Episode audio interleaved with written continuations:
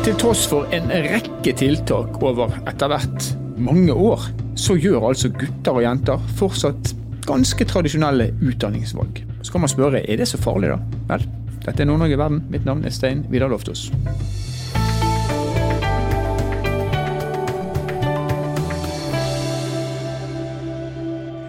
Den største kjønnsforskjellen den er å finne i de yrkesfaglige utdanningsprogrammene. Om litt så skal vi snakke litt om konkrete tiltak vi skal snakke med Bjarne Rode. Han er fylkesråd for kunnskap og integrering i Troms og Finnmark fylkeskommune, som da er ansvarlig for eh, den videregående skolen i eh, landet vårt. Men før vi gjør det, så skal vi se på det store bildet. Og Marit Aure hun er instituttleder og professor i sosiologi og kjønnsstudier ved UiT, Norges arktiske universitet. Og hun har i en årrekke forsket bl.a. på rekruttering, likestilling og kjønnsforskjeller, og hvordan man kan påvirke dette.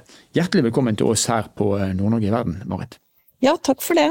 Hva tror du, altså jeg vet du har forska på dette, hva er de viktigste årsakene til at gutter og jenter fortsatt velger litt sånn tradisjonelt når det handler om utdanningsvalg? Ja, det er jo sannsynligvis mange årsaker til det, men det er jo noe med at normer og regler og forventninger i samfunnet, det er det vi ofte kaller for dypstrukturer. Og de her eh, normene om kjønn og forventningene knytta til hva som passer for jenter og gutter, de er nok sånne dypstrukturer. De er der selv om vi ikke vet det, og selv om vi tenker at vi ikke blir påvirka av det fordi at det framstår som selvsagt og naturlig for oss.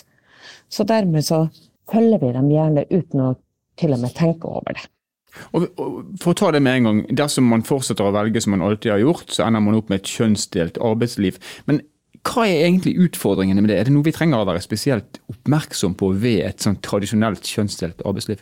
Ja, det er jo det. fordi det er jo sånn at uh, den kjønnsdelinga gjør at uh, innholdet og hvem som utfører en oppgave, blir litt for ensidig. Det blir for smalt. Hvis det er bare kvinner som gjør det, eller bare menn. Så har det betydning på lønn, for det er fortsatt sånn at de fleste yrker som er mannsdominert, har bedre lønn enn såkalt kvinnedominerte yrker. Og så har det betydning for folk sin karriere, og det har betydning for de tjenestene. Sant? Hvis alle psykologer er kvinner, så er det ikke så kjekt nødvendigvis for alle menn å komme til en kvinnelig psykolog. Så det kan være mangfoldsperspektivet blant flere. Men man har jo hatt fokus på dette her i ganske mange år nå. Er du overraska over at man fortsatt er såpass tradisjonell i valgene som det man er? Nei, ikke egentlig. Utdanningsvalg preges jo også i veldig stor grad av hva foreldrene har gjort. Og det selv om ungdommer leser sosiale medier eller hører og diskuterer litt seg imellom, så er yrkesvalg og utdanningsvalg ganske mye prega av det man har med seg hjemmefra, og det man um, er kjent med, og skjønner hva det er som det består i. Og foreldrene de er jo oftest en generasjon eldre enn ungdommene, og så har de igjen blitt påvirka av mm. sine. Sant? Sånn at, så i tillegg til det her med at det er sånn dypstrukturer, så er det en sånn, hva skal jeg si, eh, forsinkelse og treighet i det her som gjør at, vi, at det blir veldig seigt, da. Endringer tar tid, også på dette området her. Men vet vi noe om dette har du forska på, vet vi noe om hvordan man gjør endringene best mulig? Hva er det som virker når man skal prøve å endre dette? Ja, det, det, er nok ganske mange ting som virker, men det er forskjellige ting. Og så er det sånn at jeg tror ikke det er liksom, det er ikke et gullegg her som liksom en quick fix. Eh, jeg tror man må jobbe på ulike fronter. Man må jobbe med bedre veiledning, man må jobbe med mer rollebilder, man må tilpasse, prøve å åpne opp og prøve å få fram liksom at det, man kan gjøre andre valg. Mm. Og prøve å rett og slett informere bedre hva et yrke er. Ja. For det vet ikke. Det vet ikke de fleste. Altså, hvis man ikke kjenner et yrke, så er man ofte veldig i tvil om hva de faktisk gjør. Ja, ikke sant. Man er ganske ung når man skal velge, og det er bra mye man skal ha oversikt over. Men mm. et av de eh, momentene som er trukket fram i denne rapporten på Kunnskapsbanken, det er at navneendringer på studier og linjer det kan vise seg å ha effekt. Og Det var bl.a. vist til et studie som før het elkraft og varmeteknikk, og så bytta navn til energi og miljø, og dermed så gikk andelen jenter som søkte opp. Er navneendringer, altså er det så enkelt som at navneendringer kan være en del av, eh, av løsningene? Ja, heldigvis. Så tenker jeg at det er det faktisk. Men det, det, det er nok ikke så enkelt nødvendigvis. fordi at men den måten vi snakker om noe på, det har jo betydning for hvordan vi tenker om det. Og hva vi oppfatter.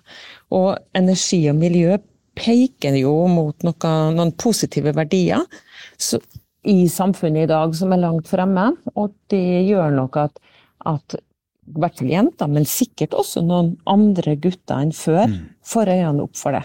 Det, det vet vi jo ikke pga. det her. Sant? Det kan være at de, den søkermassen til det studiet har endra seg, ikke bare med kjønn, men også med hvem det er som søker seg i den retninga.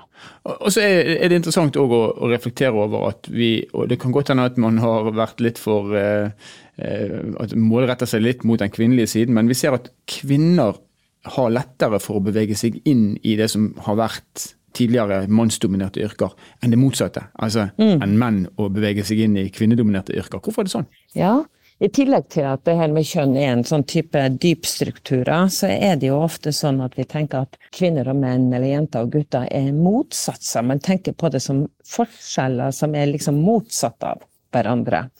Og ikke bare det, men tenkinga om kjønn er jo ofte sånn også at det er mannlige verdsettes mer enn det kvinnelige. At det, det er både binært, at det er todelt, og at det, man plasserer det i en hierarkisk ordning i forhold til hverandre. Mm. Så da vil det for jenter å rette seg mot noe som um, er mannlig eh, konnotert eller um, orientert, være noe annet å peke oppover i et hierarki, mens for gutter å orientere seg mot et kvinnedominert yrke, vil være å gå nedover i det hierarkiet. Så sånn kan det i hvert fall forklares. Og så eh, er det kanskje verre for en gutt å bli oppfatta som som eh, viste at man tenker at det her er veldig kvinnelig å gjøre et sånt valg, enn det er for ei jente å bli oppfatta som mer, mer maskulin. Og det henger sammen med det samme verdsettingssystemet. Hva skal man gjøre da for å få guttene, for vi, vi ønsker jo en, si, en, bevegelse i begge retninger. Hva skal vi gjøre for å få guttene til å søke da, tradisjonelt eh, kvinnedominerte yrkesretninger? Mm. Man har i hvert fall to ulike tilnærminger. Det ene er jo å løfte statusen til de kvinnedominerte yrkene. Ikke fordi at guttene skal komme inn i det, men for å få frem at dette er viktige yrker. Og det kan være at omsorg f.eks.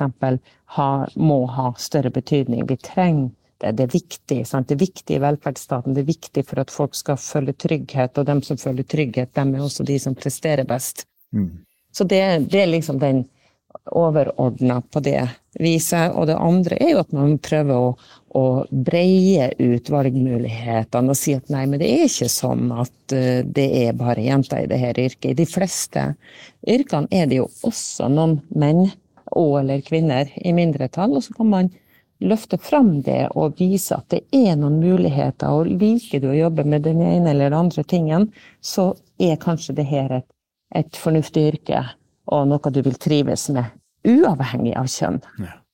Det er òg en tendens eh, som vi har sett egentlig over ganske mange år nå, nemlig det at eh, kvinner i større, eller jenter i større grad enn gutter tar høyere utdanning. Og Dette her er en, en trend som vi ser over hele landet, men den er spesielt sterk i Nord-Norge.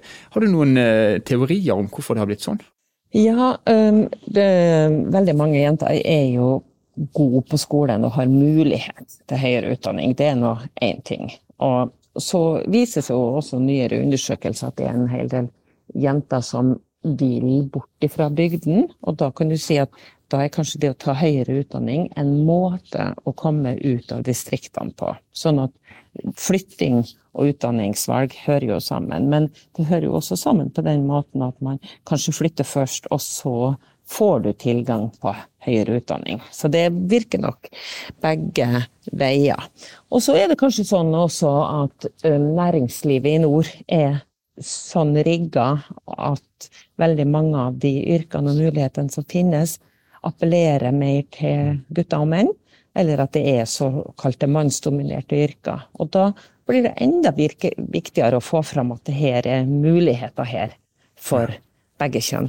Helt til slutt, eh, Marit, så skal jeg stille deg et spørsmål som jeg ikke klarte å finne svar på i den rapporten som jeg har vist til flere ganger allerede på Kunnskapsbanken. Men eh, du peker på miljø, du peker på arv som, eh, og, og, ganske sånne rigide mønstre i samfunnet som en, en, grunn for at vi fortsatt er ganske tradisjonelle. Fins det noe som helst i DNA-et vårt som gjør at det er lettere for en gutt å, å velge det som vi tenker på som mannsdominerte yrker, og det samme for, for jenter?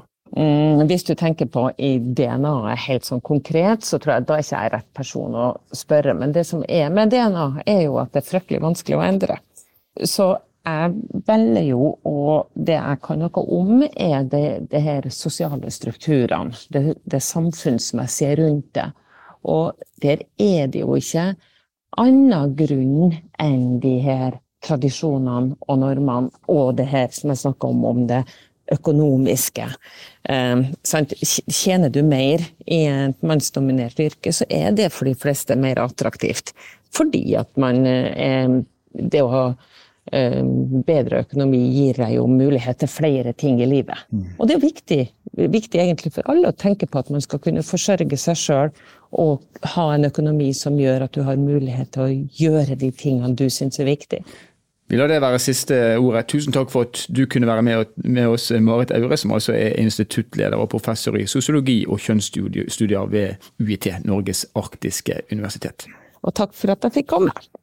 Og De som sitter med nøkkelen for å gjennomføre tiltak, er de samme som alltid sitter med disse nøklene, nemlig politikerne. Og Nå har vi med oss fylkesråd for kunnskap og integrering i Troms og Finnmark fylkeskommune, Bjarne Rode. Velkommen til oss, Bjarne. Takk for det. Du, Kjønnsforskjellene de består, selv om vi er i 2023. Hva gjør, eh, hva gjør dere for å skape mer kjønnsbalanse når vi snakker om utdanningsvalg, og kanskje spesielt innenfor yrkesfaglige utdanningsprogram? Eh, der er det jo sånn at uh, Mye av kjønnsforskjellene på, på, utdanningsvalgene henger jo sammen med uh, også at det er kjønnsforskjeller i yrkeslivet. Så ser vi jo at det er noen type kampanjetiltak, for å kalle det da, som, som virker på, på innenfor enkelte bransjer. og Det er nok noe som man kanskje også bør prøve på, på, flere plasser. Man ser f.eks. at når noen aktivt går inn for å rekruttere flere kvinnelige bilmekanikere eller eh, lastebil-, eh, osv., så, videre, så eh, så får det en, en, effekt, om enn ikke så stor at vi er i nærheten av å, å utjevne de forskjellene som er enda. Men, men, noen sånne tiltak har jo vist seg å, å fungere.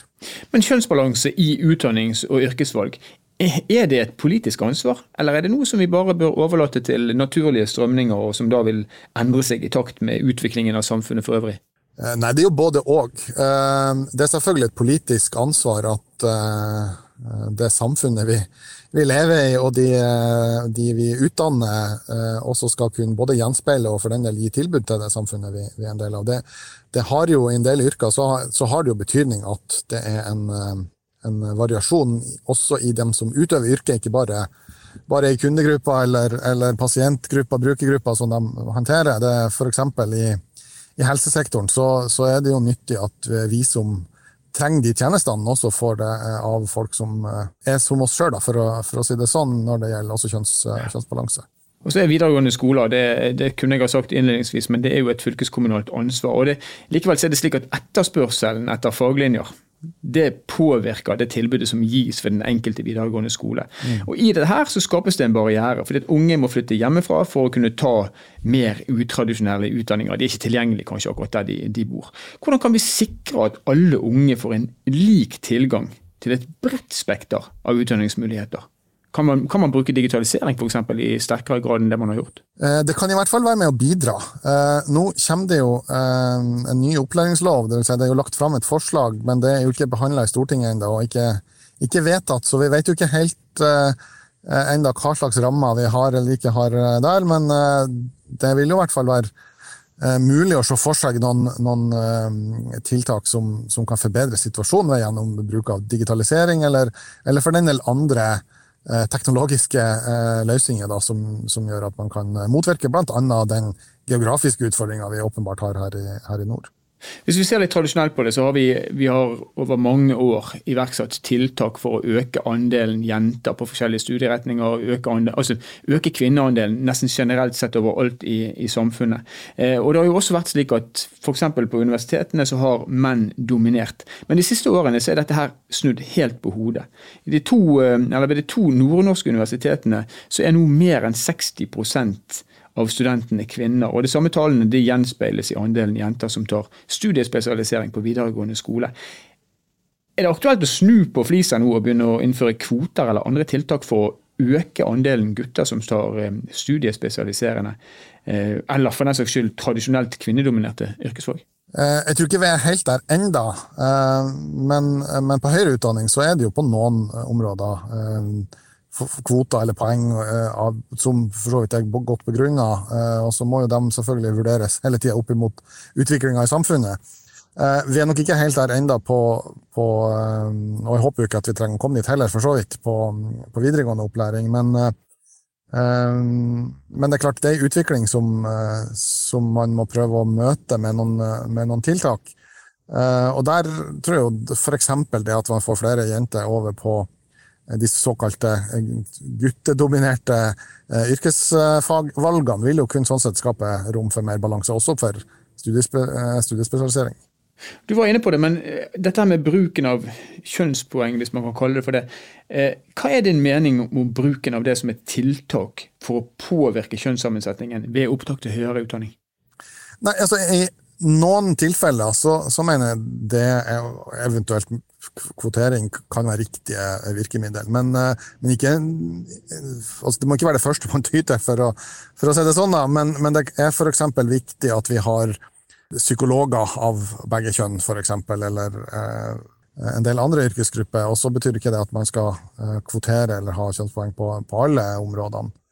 Så eh, I noen tilfeller så kan det være tiltak, men det må ikke være det eneste tiltaket heller, sånn at det blir en sånn hvilepute for for å gjøre andre ting, for å gjøre både arbeidet attraktivt og, eh, og at det skal være mulig å se for seg en utradisjonell sammensetning av eh, arbeidsstokken på en, på en kanskje kjønnstradisjonelt sammensatt arbeidsplass.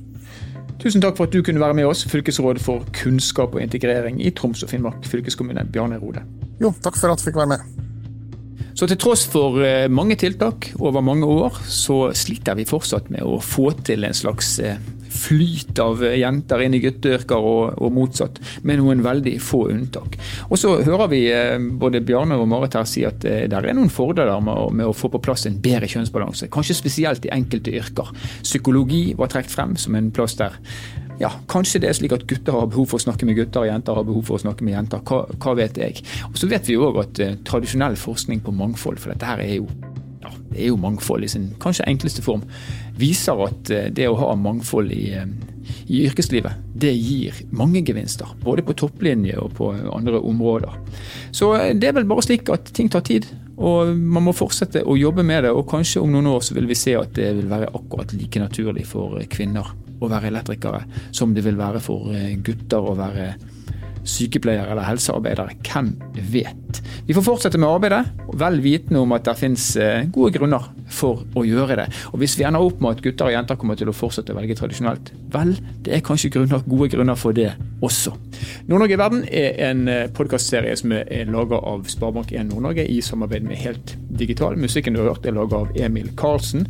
Mitt navn er Stein Vidar Loftaas. Vi høres igjen i neste episode.